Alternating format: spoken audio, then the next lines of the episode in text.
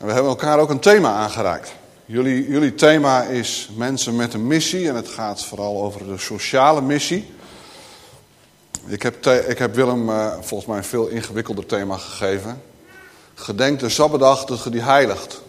Oh. Ik denk, uh, dat is wel goed voor me. Dat hij zich er een beetje in verdiept in het woord van God. Maar hij was daar heel blij mee. Ik ben in Buitenpost bezig met een serie preken over uh, het koninkrijk en de wet. Er zullen ook een aantal dingen van vanmorgen wel, toch wel van in terugkomen. Want toen ik nadacht over ja, sociale missie, eh, dan, dan heb je direct de neiging om dat te vertalen in uh, acties. Uh, misschien moeten we wel iets doen met de voedselbank hier in, uh, in, in Drachten, Smallingenland. Misschien moet je daarbij stilstaan als je straks op 19 maart inderdaad naar het stemhokje gaat en iets gaat doen. Een keuze gaat maken met betrekking tot een politieke partij. Ik mag geen politiek praatje houden, maar er zijn ongetwijfeld echte christelijke partijen die uh, ook voor sociale gerechtigheid staan. En er was zelfs al op mijn Facebookpagina was er al iemand vanuit een christelijke partij die me daar nog even attent op maakte toen ik inderdaad vertelde waar ik vanmorgen over zou gaan spreken. Misschien kun je een kleine verwijzing maken, nou daar laat ik het dan bij. Dan moeten jullie maar even kijken op Facebook van wie dat dan geweest is. En toch denk ik, hoe goed dat ook allemaal is, en dat is, dat is prachtig, maar wat me trof was eigenlijk de lofprijs. Want dat is helemaal de kern waar het vanmorgen ook over zal gaan. En je hebt eigenlijk in alle liederen een soort samenvatting alvast gegeven van het onderwijs wat ik vanmorgen mag doorgeven. Want als het gaat om een sociale missie, mensen, mens wil zijn met de missie, dan is het prachtig dat je je richt op allerlei activiteiten, dat het, dat het handelen, uh, handelend is, dat, dat is geweldig. Maar als daaronder niet een veranderd, een veranderd hart zit, dan is het gedrag. En daar is de kerk van Jezus Christus vandaag vol van. Van mensen die gedrag vertonen. Je doet een mooi pak aan. Heb ik ook vanmorgen. Ik heb zelfs een nieuw overhemd gekocht. Ik denk smetteloos wit. Maar het is buitenkant. En het zegt me niets. Ook de vrome woorden die mensen soms tegen je zeggen, het zegt me niets. Ik ben er zelfs beginnen soms wel een beetje een allergie voor te ontwikkelen. Want wat ik wil zien, en dat is, is, is ik, ik reageerde direct naar, naar, naar Geertje toen je dat kinderlied liet zingen. En mijn eerste opmerking was, wat een fout lied is dat zeg. Ja, sorry broeder. Het, het, de, het refrein vind ik, vind ik helemaal niks. Ja, jij vindt het mooi. Ik wil meer en meer gaan lijken op Jezus. Op iemand gaan lijken, dat is gedrag vertonen, zeg ik altijd. Het tweede gedeelte is dat je mag worden als Jezus. En volgens mij is dat de kern. Dat in jou Jezus zichtbaar is. Dat als mensen jou hier, als je hier vandaan gaat, niet aan jou zien. Oh wacht, die komt vast uit de kerk, want die heeft een mooi pak aan. Het haar netjes in de krul. Dat zijn, vanmorgen reed ik hier naar Drachten en ik hoorde wat kerkklokken. En als je dan vanaf die kant Drachten binnenkomt, dan zie je ze, de gelovigen gaan naar het huis van God. En ik denk dat mensen inderdaad dat ook zien. Als ze hun bed uitgekomen zijn tenminste, op een redelijke tijd. Maar zien ze Jezus? Of zien ze ons gedrag? En daar wil ik het vanmorgen met jullie over hebben. Vanuit de vraag, hoe groot is jouw gerechtigheid? Als je echt mens wil zijn met een missie, als je een sociale missie wil uit gaan voeren, hoe groot is dan jouw gerechtigheid? En ik ga daar drie gedeeltes uh, met jullie van lezen. Als eerste, en dat is eigenlijk de kern waar het om gaat, is Matthäus 5. Niet heel Matthäus 5 natuurlijk. Jullie willen allemaal, het schaats voorbij, dus wat dat betreft maakt het allemaal niet zoveel meer uit dat het wat later wordt vandaag. Matthäus 5, vers 17 tot en met 20.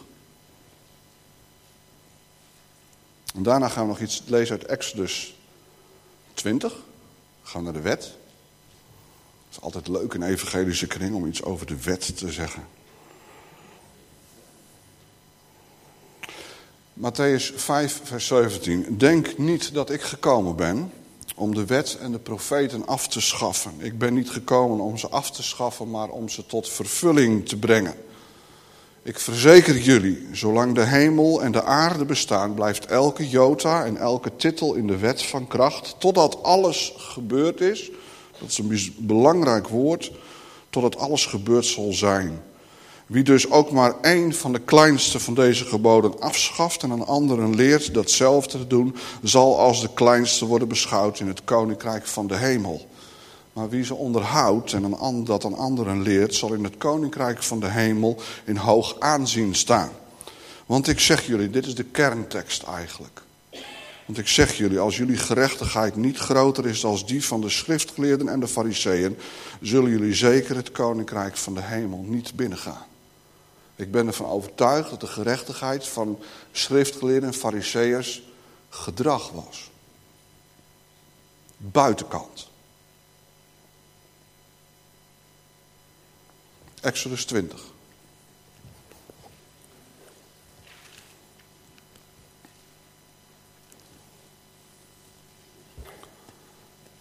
En na Exodus 20 lezen we nog wat uit de brief aan de Corinthiërs. Ik lees de eerste drie versen uit Exodus 20.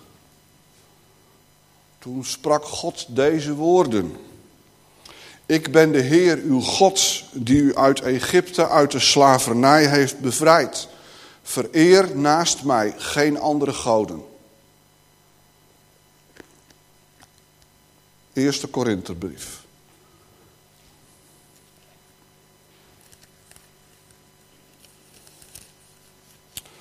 Hoofdstuk 2.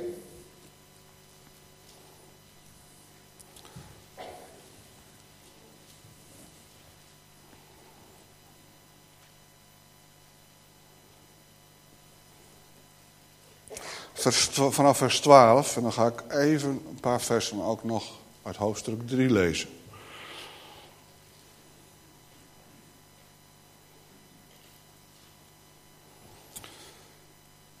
Wij hebben niet de geest van de wereld ontvangen, maar de geest die van God komt, opdat we zouden weten wat God ons in zijn goedheid heeft geschonken.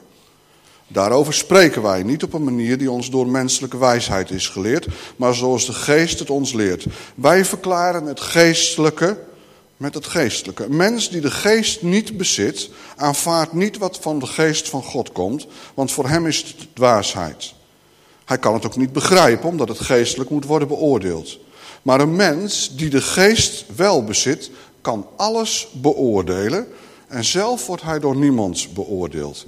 Er staat immers geschreven, wie kent de gedachten van de Heer, zodat hij hem zou kunnen onderwijzen. Wel nu, onze gedachten zijn die van Christus. Maar, broeders en zusters, Oh, dan denk je gelukkig, dit is geschreven aan de gemeente in Korinthe. Broeders en zusters van de Open Thuisgemeente in Drachten. Ik kon tot u niet spreken als tot geestelijke mensen. Ik sprak u tot u als mensen van deze wereld, tot niet meer als tot kinderen in het geloof in Christus. Als je nou zo zou krijgen, zo'n brief, dat hier s morgens zou komen. Hè, maandags gaat de brievenbus open en dan is er vast wel iemand die de post haalt. En dan komt ineens een brief van Paulus, gericht en met dat soort woorden begint zo. Ik wou dat ik tot jullie had kunnen spreken als geestelijke mensen. Maar ik kan eigenlijk niet zo tot jullie spreken. Ik moet tot jullie spreken als kinderen in het geloof. Dat klinkt alsof. Het is al zo vaak verteld en je hebt het eigenlijk nog steeds niet begrepen. Ik sprak daar van, vlak voor de samenkomst ook nog met een broeder en zuster heel kort over. Dat ervaar ik ook wel zo. Niet hier hoor. Jullie zijn allemaal heel geestelijk en zo. Dat heb ik alleen in buitenpost. Daarom stuur ik ook Willems nu en dan daarheen.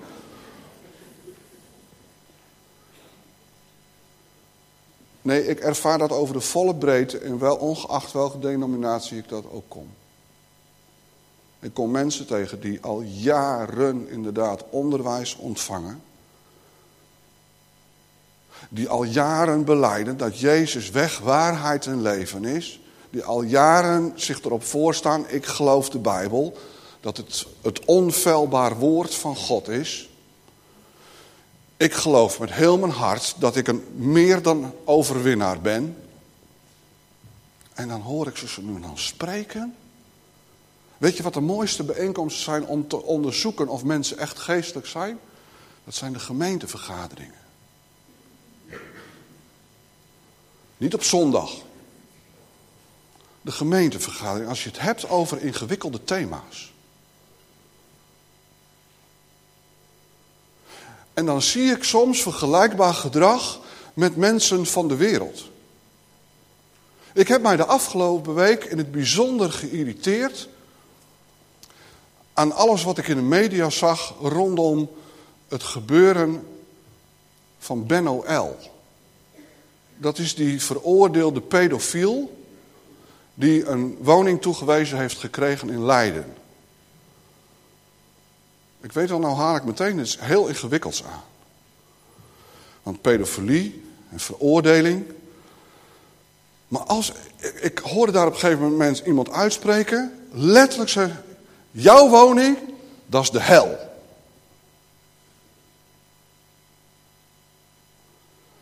En dan denk ik, die man is veroordeeld, heeft zijn straf uitgezeten.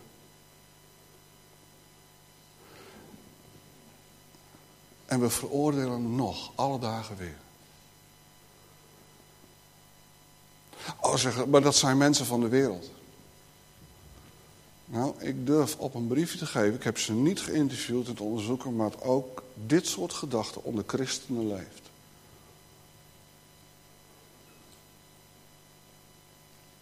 En dat is, dat, is, een, dat is een aantijging, dat ben ik me zeer wel bewust. Hoe veilig is de kerk van Jezus Christus? Voor mensen die gebroken zijn. Mensen die misschien wel keuzes maken in hun leven waarvan je als, als, als, als goedgelovige, oprecht gelovige christen zegt op grond van het woord van God spreken we hier over zonde. Echt heel eenvoudig. Hoe veilig is de kerk van Jezus Christus? En ik stel me dan de vraag, wat zou Jezus doen in het geval van Ben O.L.? Ik hoorde een mevrouw op een gegeven moment in het interview. Er was, uh, natuurlijk, de, de, media zit er bovenop. En, uh, en er was een mevrouw en die woonde in een flat er tegenover Ik durf nu mijn kinderen niet meer alleen over straat te laten gaan. Ik denk, waar hebben we het over? Er was ook een andere mevrouw en die zei van ja, hij woont hier wel in een flat, ik heb er niet zoveel last van, maar ik zal nooit bij hem gaan koffie drinken. Ik ben ervan overtuigd met heel mijn hart dat Jezus bij hem op de koffie zou gaan.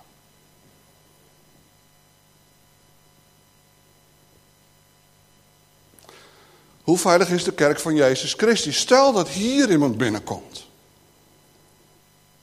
En laat ik een heel veilig voorbeeld voor jullie geven wat zich echt af heeft gespeeld in een evangelische gemeente in het noorden van het land. Was niet buiten post, dus dat zeg ik er dan even bij. Er kwam iemand binnen en uh, was een gast en, en, de gemeente had al een soort visie van iedereen is hier welkom. We, we, zijn, we zijn open. Het is een soort open thuisgemeente. Met je gebrokenheid en ellende ben je hier welkom. Wij willen je de genade, de vergeving, de onvoorwaardelijke liefde van Jezus laten zien. En er kwam inderdaad een mevrouw binnen en die was geïnteresseerd. Die was door kennissen meegenomen en eh, die had gezegd van daar moet je eens naartoe gaan. En die mevrouw kwam één week en die kwam twee weken en dat was allemaal hartstikke leuk.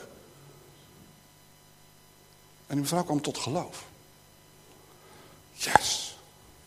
Iemand uit de wereld dat vinden we geweldig. We zouden ze bijna als een soort trofee op de tafel neerzetten. En ze wilden zich ook nog laten dopen. Nou, dan worden we helemaal blij als evangelische christenen. En toen gingen de oudsten een gesprek aan. Toen bleek ze lesbienne te zijn en samen te wonen met een vrouw. En ook nog samen kinderen te hebben. En ineens was alle blijdschap verdwenen.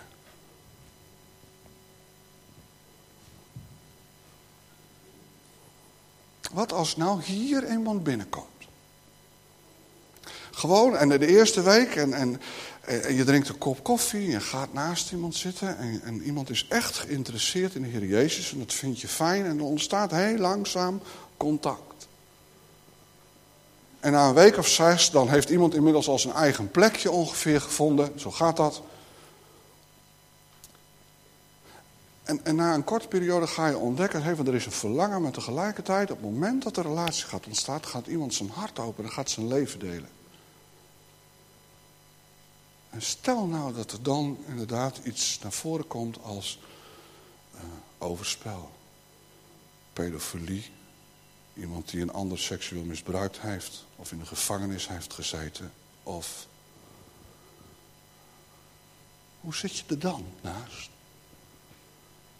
Drink je dan nog een kop koffie? Weet je, als wij denken over mensen met een missie, sociale missie, dan, dan kijken we in eerste instantie naar de wereld buiten ons. Maar misschien is wel hebben. Ik, ik geloof bijna dat, weet je wie er echt bekering nodig hebben? Dat is de gemeente van Jezus Christus. Die zich moet gaan bezinnen en beraden over hoe veilig is eigenlijk de kerk. Dat is wat Jezus ook uiteindelijk toe opriep. Op het moment hij spreekt in Matthäus 5, ik ben niet gekomen om wet en profeten af te schaffen, maar om ze te vervullen. Dan zegt hij dat in, in de context van jullie zijn het zout van de aarde en jullie zijn het licht van de wereld. Dit is waarvoor ik jullie bedoeld heb. Dat mensen aan jullie kunnen zien dat je anders bent. Anders in het leven staat anders omgaat. Dat er in jullie genade is. Dat jullie, in jullie vergeving te zien is. In jullie liefde te zien is. De tekst waar de zuster vanmorgen mee begon, uit Johannes 15, heeft te maken met de wijnstok en de ranken. En het heeft te maken dat als je gerechtigheid echt zo wil zijn, meer dan alleen maar gedrag, dat je verbonden moet zijn aan die wijnstok, je echt moet toewijden, zoals in alle liederen naar voren kwam. En dat brengt me uiteindelijk bij, bij die woorden uit Exodus 20. Wij, wij, wij maken van de wet heel vaak een soort gedragslijstje. Dat heb, zo heb ik hem zelf ook heel lang ontvangen. En dus toen werd ik christen en dan gaf ik mijn leven aan Jezus en toen had de wet afgedaan. Want ik leef uit genade. En, dan, en, en, dan, dan, dan, dan word ik geconfronteerd met woorden van Jezus. Dat hij niet gekomen is om die wet en profeten af te schaffen. Maar te vervullen, te onthullen, open te maken. Wat de vaderlijke onderwijzing uiteindelijk ten diepste echt betekent. En dan zie ik op het moment dat ik dat, me daarin verdiep. Dan zie ik in de, in de totale Bijbel een geweldige lijn zitten het is niet het Oude Testament of een God van het Oude Testament en een God van het Nieuwe Testament. Er zit een heilslijn door de hele geschiedenis heen. God is de onveranderde God. Dat zeggen we toch ook, dat beleiden we toch ook, dat Hij gisteren en heden tot een eeuwigheid dezelfde zal zijn. Alleen wat doen wij mensen met zijn woorden? Wat hebben mensen vroeger gedaan met die woorden, die vaderlijke onderwijzing? Dat toen God de ellende van de mens had gezien, dat is de context van de wet. De eerste ontmoeting begint bij Mozes en de brandende braamstruik. En daar, daar opent God zijn hart en zegt, ik heb de ellende van de mens gezien en ik daal neer. Ik kom naar de aarde. En ik ben wie ik ben. Onveranderlijk. Dat is Gods context en vervolgens geeft hij zijn richtlijnen. En dan die woorden, en ik noem het tegenwoordig niet meer de tien geboden, maar ik noem het de tien woorden van leven. Ik ben de Heer, uw God, die u heeft bevrijd. Ik ben de God die een nieuw perspectief geeft. Wat een geweldige boodschap voor mensen in gebrokenheid. Ik ben de God die de ellende van mensen heeft gezien en die daar ook echt iets aan gaat doen. Die niet voorbij gaat aan de realiteit van een gebroken samenleving. Die niet voorbij gaat aan de realiteit van gebroken mensen. Die niet voorbij gaat aan mensen die verkeerde keuzes maken. Ik heb de ellende gezien. En mijn hart gaat er naar uit. En ik daal neer. Ik ben er bereid voor de hemel voor te verlaten. Zichtbaar te worden. In eerste instantie heel vroeger, in die tijd van Mozes. In een wolkkolom. Ik zal richting geven. Dag en nacht. Als het duister is, zal, zal ik oplichten. Zal ik het licht zijn wat voor je uitgaat. Zodat elke stap die je zet in een samenleving die steeds verder van mij vervreemdt. Om je daar echt richting te geven. Om te laten zien hoe je mag wandelen.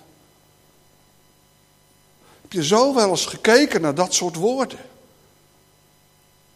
En uiteindelijk zie je in de geschiedenis van God, in Gods geschiedenis, in zijn familiegeschiedenis, dit patroon zich herhalen. Ik heb de ellende van mijn volk gezien. Klinkt voor mij met eenzelfde emotie. Dat op het moment dat Jezus kijkt naar de scharen, naar de mensen om hem heen. Dat hij ze zit lopen als een herder. Als mensen die geen herder hebben. Mensen die geen richting meer krijgen. En dan staat er, en we kennen allemaal, en dat vinden wij fijne woorden. Als evangelische christen. Dan, dan, dan lees je dat Jezus met ontferming bewogen is. Letterlijk, zijn, zijn ingewanden, alles wat er het draait om. Hij voelt het tot in het diepst van zijn wezen. Ik heb de ellende van mijn volk gezien. Ik heb de ellende van wat er in mijn schepping, waar mijn hart naar uitgaat, gezien. Ik ben met ontferming bewogen.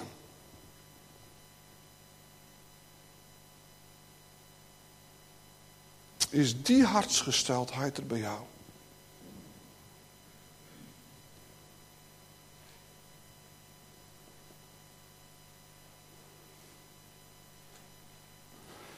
Kan die vraag niet voor je beantwoorden. Ik ga het ook niet beoordelen. Maar is die hartsgesteldheid er bij jou? Of is jouw hartsgesteldheid meer van wat mensen uiteindelijk van die wet hebben gemaakt? Een soort rapportcijfer voor het eind van de dag op je hoofd kussen en dan kijken wat heb ik gescoord vandaag. Oh, ik heb, ik heb niet begeerd. Valt weer mee. Eh, ik heb ook niks gestolen. Ik heb mijn vader en moeder geëerd. Ik kom tot een 6,3. Ja.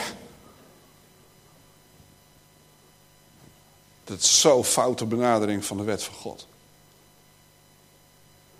Er is een God die spreekt. Zegt, ik heb je bevrijd. Ik heb je losgemaakt. Ik laat je zien wie ik ben. Ik wil dat, dat wat er in mijn hart is, dat dat, dat dat in jouw hart zal komen. En dat vanuit die hartgesteldheid een verlangen komt inderdaad om je ouders te eren.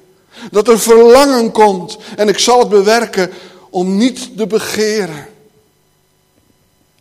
Dat dat zoiets van jezelf wordt, niet gedrag, maar je identiteit.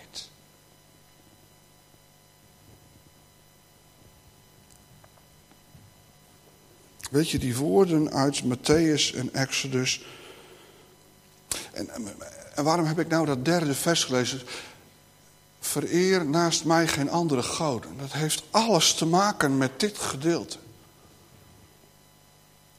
Nou had ik hem heel makkelijk toe kunnen passen op die woorden ook uit, e, uit, de brief aan de Korinters. De, de, stad Korinthe was een, een, stad waarin veel afgoderij was.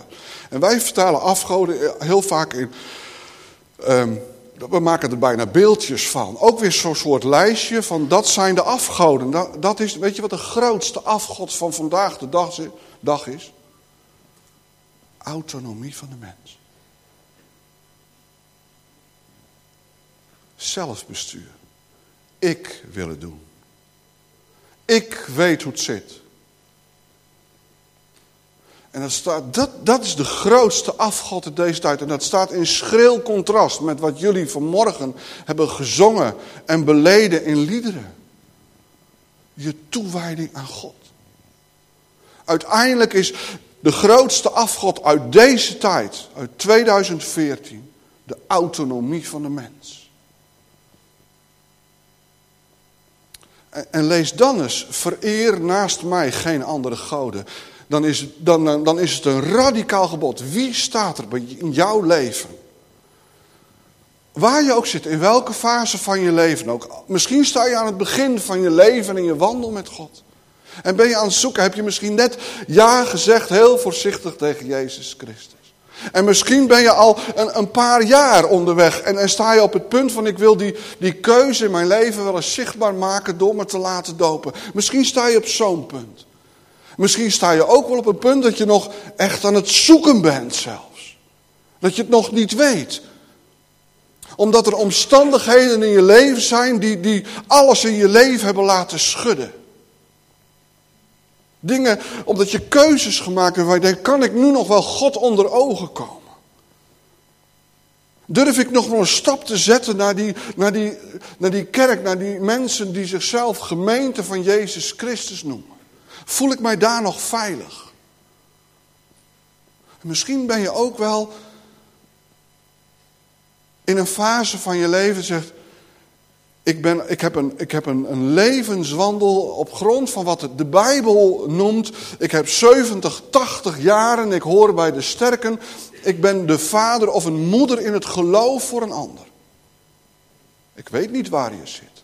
Tegelijkertijd, ongeacht welke fase, waar je zit in je leven, wie je ook bent, man, vrouw, jonge meisje, opa, oma, paken, beppen, het maakt niet uit.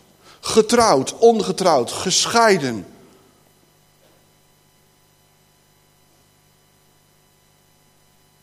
Waar je ook bent, voor ieder van ons geldt elke dag opnieuw de vraag. Wie staat er in mijn leven op nummer 1? Vanuit dat perspectief, vereer naast mij geen andere goden. Heb ik mij werkelijk toegewijd aan mijn Vader in de hemel? Is Hij de nummer één in mijn leven? Letterlijk staat daar, God verdraagt geen andere goden naast zich. En ik kwam in, het boek, in een, boek een volgende tegen. Hij is de Yahweh, de ik ben. En hij wil als enige voor ons staan. Letterlijk staat er Alpanaya, voor zijn gelaat. In een oude vertaling zouden we lezen, hij is een naijverig God. Dat betekent letterlijk dat God geen concurrentie wil. En misschien is wel de grootste concurrent van God de mens. De autonomie van de mens. De zelfbeschikking. Wij weten het. Dat maakt zijn liefde ook zo radicaal. Dan moeten we het op ons doorlaten. Zijn liefde is echt heel radicaal. is niet zoetsappig. God is wat betreft het kiezen voor, voor de mens niet iemand. En, en als het gaat om gerechtigheid, is God niet iemand van het compromis.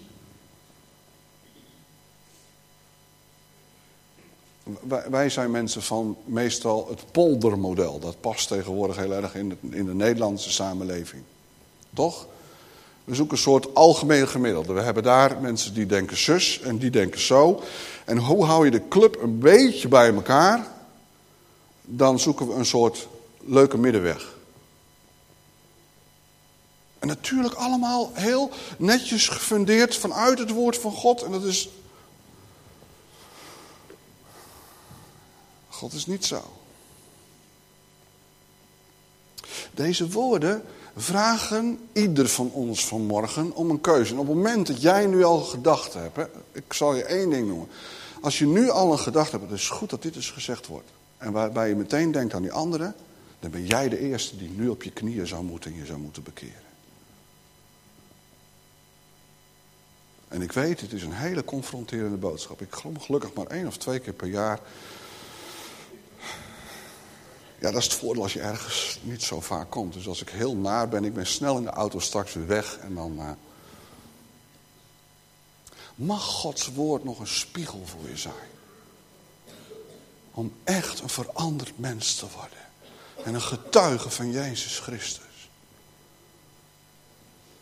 Wil je echt mensen worden? Wil je mensen met een missie zijn? Wil je een sociale missie? Dan begint het in eerste instantie bij jouw persoonlijke toewijding aan Jezus Christus. En jouw toewijding alle dagen opnieuw aan God. Als schepper van hemel en aarde. Wie zijn hart uitgaat naar de ellende van de mens. Hoe ingewikkeld. En ik besef me echt waar. Geloof me. Ik besef me met heel mijn hart hoe ingewikkeld dat soms is. Voor welke vraag je als gemeente kan komen te staan. Ik heb het in mijn eigen gemeente ook. Dat maakt het soms een worsteling. Mensen hebben zo snel op grond van het, met, met, met de Bijbel in de hand, met het, op grond van de woorden van God, het oordeel klaar. Oprechte gelovigen. En dan zeggen ze, maar ja, u bedekt de dingen met een mantel de liefde. Nou, het zij verre van mij. Maar ik probeer me elke keer opnieuw te vragen, wat zou Jezus in deze situatie doen? En ik zie niets anders in het gedrag van de Heer Jezus. Dat hij niks met een mantel der liefde bedekt. Maar dat hij elke keer gaat naar de hoeren, naar de tollenaars, naar de zondaars. En dat hij maaltijd met ze houdt. Het ontmoeting met de Samaritaanse vrouw is een prachtige ontmoeting. Ik zie het hart van de Heer Jezus. En tegelijkertijd pak nog eens een tekst erbij. Iets, iets wat, wat, ik, wat hem heel erg typeert. 1 Petrus. 1 Petrus 2, vers 23.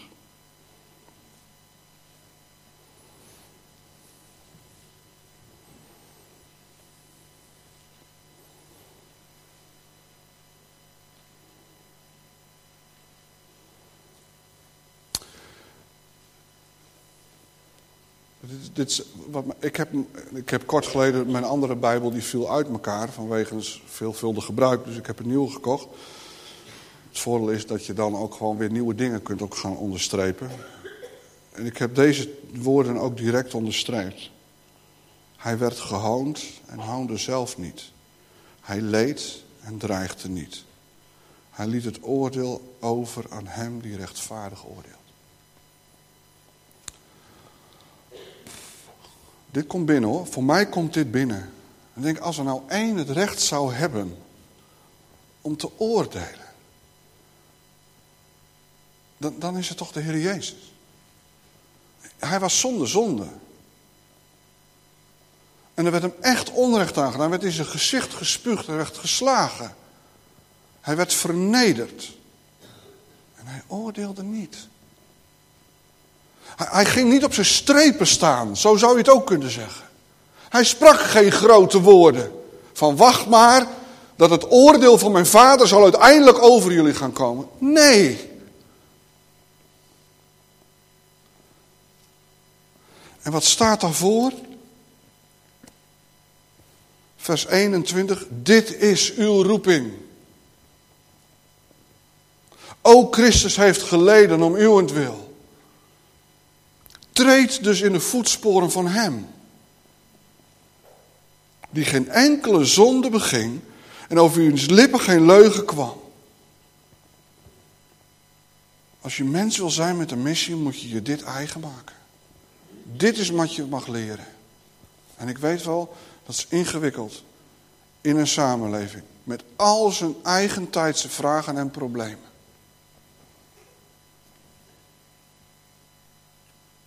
Hoe groot is je genade? Hoe groot is jouw vergeving? Hoe groot is jouw liefde? Naar de anderen. Kijk maar gewoon eens om je heen naar al die mensen die hier vanmorgen zitten. Voordat je je weer richt op de mensen van de voedselbank, wat net zo belangrijk is. Echt super belangrijk. Maar het begint hier, in de gemeente van Jezus Christus. Wat zei Jezus op een gegeven moment tegen zijn leerlingen? Aan je liefde onderling zullen de mensen zien wie ik ben.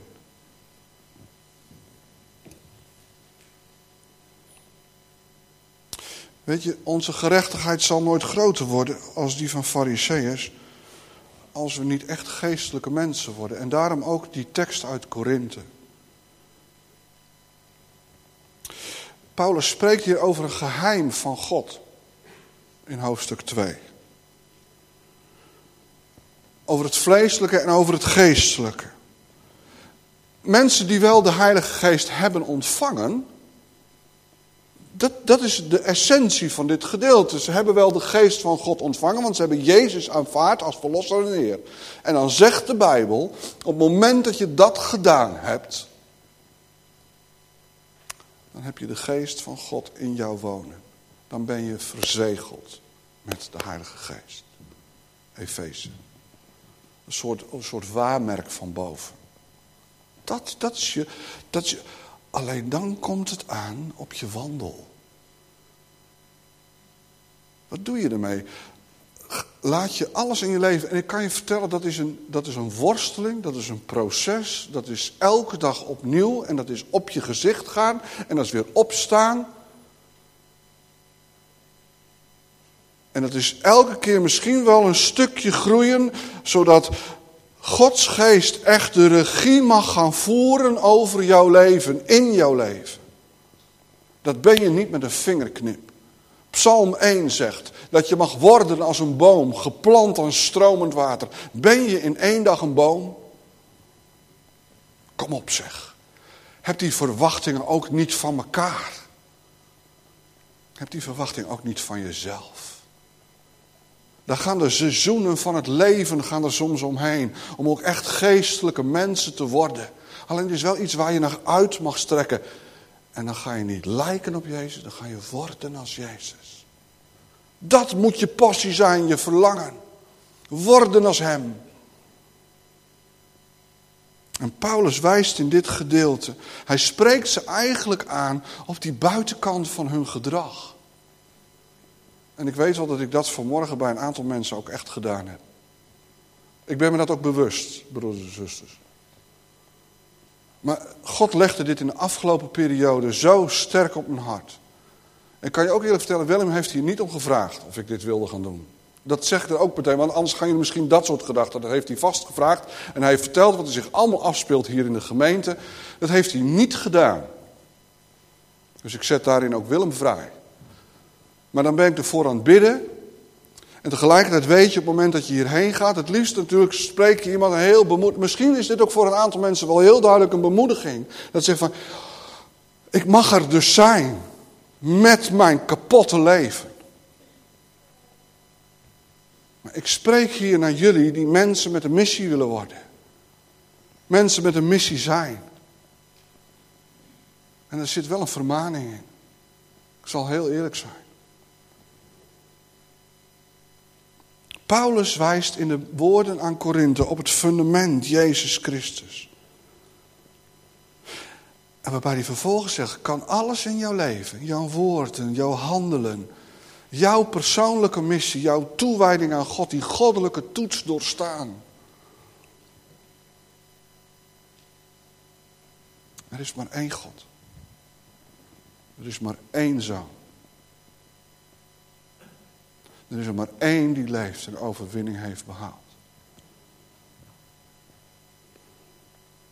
En dat diepe besef, ongeacht waar je zit in je leven, dat wil ik je vanmorgen meegeven. Sta daar eens bij stil. Dien ik echt alleen God? Of ben ik bezig om mezelf eigenlijk ook nog te dienen? En bepaalt dat voor een deel mijn gerechtigheid? Pak nog één tekst erbij. Koningen. 1 Koningen 18.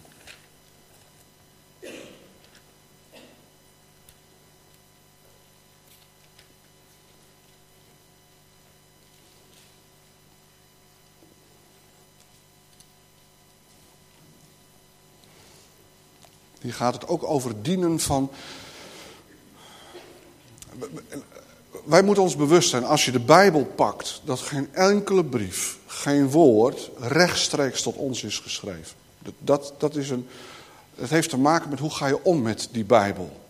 En toch is dit het woord van God. Dus wat we moeten leren is ontdekken, wat zijn de principes voor tijd en eeuwigheid, voor alle mensen, vanuit God. Daar moet je naar op zoek.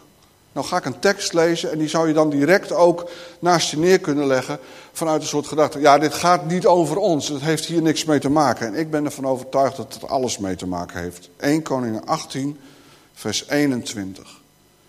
Even de context en dan wel even naar, naar die tijd. Er is een, een, een, een uitdaging tussen God, tussen Elia en de profeten van Babel.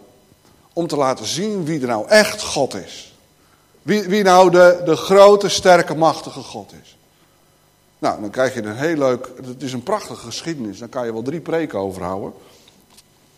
En dan vers 21 is een heel bijzonder vers. God, Elia spreekt vervolgens het volk toe. En dan zit daar een principe voor mij in. Wat hij uiteindelijk bij ons als mensen ook vanmorgen hier in de Open Thuisgemeente neerlegt. Hoe lang blijft u nog op twee gedachten hinken? Als de Heere uw God is, volg hem dan. Dan komen al jouw woorden naar voren vanuit de lofprijs. Dat heeft met toewijding te maken. En weet je, je kunt ze hier gaan zingen, ook dat soort woorden. En je kunt erbij gaan staan en je handen uitstrekken. Dat is buitenkant, dat is gedrag. En misschien denken mensen dan even, oh, dat is wel een hele geestelijke broeder of zuster die dat doet. Het zegt niks. God weet alleen wat er op dat moment in het hart leeft. Je met dezelfde toewijding, met echte toewijding, kun je gewoon op je stoel blijven zitten. De vraag is alleen, dien je God in alles? En het principe waar de mensen mee worstelen is dat ze heel vaak een, een, een andere goden, soms zichzelf voor Gods aangezicht stellen, vereren, zichzelf belangrijker vinden dan hun mening, hun opvattingen soms belangrijker zijn. En dan zegt de Heer hier vanuit een principe, hoe lang blijf je nog op twee gedachten hinken? En dat is iets wat wij mogen leren. Wil je echt geestelijke mensen worden? Zoals Paulus dat zegt in de Korinthebrief. En wil je mensen worden met een missie. En wil je mensen worden. Wil je worden als Jezus. Dan begint het bij jou persoonlijke toewijding. Jouw ja, ik kies vandaag. Ik heb hem nog even opgeschreven. Ik kies vandaag. Ik geef mijn ja aan u. Dat is niet een eenmalige actie en voor de rest moet je het dan zelf maar wat uitzoeken. Dat is alle dagen, ik kies vandaag. En morgen komt die vraag weer, ik kies vandaag. En voor een volgende gemeentevergadering komt die vraag weer, ik kies vandaag. En op het moment dat je met gebrokenheid in aanraking komt met ingewikkelde pastorale problemen, ik kies vandaag. Ik geef mijn ja nu. En dan krijg je niet een soort mantel van liefde die je vervolgens over elke situatie heen kan leggen. Nee, dan krijg je de mantel der gerechtigheid. Die moeten we gaan dragen. En dan zullen mensen in je gaan zien wie Jezus is. En dan daag ik je vervolgens uit op het moment dat je dat gedaan hebt om heel flink stappen te zetten en gericht te zijn op nood in de wereld. Om erop uit te gaan. Heel met sociale acties. En daar kunnen we er niet genoeg van krijgen. Maar vanmorgen is de boodschap. Kies dan heden wie gij dienen zult. En dan hoop ik met heel mijn hart dat het antwoord is, de Heer is mijn God. Hij is het die mij, net als de voorvaderen, heeft geleid uit Egypte. Hij is de God die bevrijdt en die nieuw perspectief geeft. De God die tekenen en wonderen doet. En die me bewaart op de weg die ik heb te gaan. Ik, ik zal de Heere dienen, want Hij is mijn God. Amen.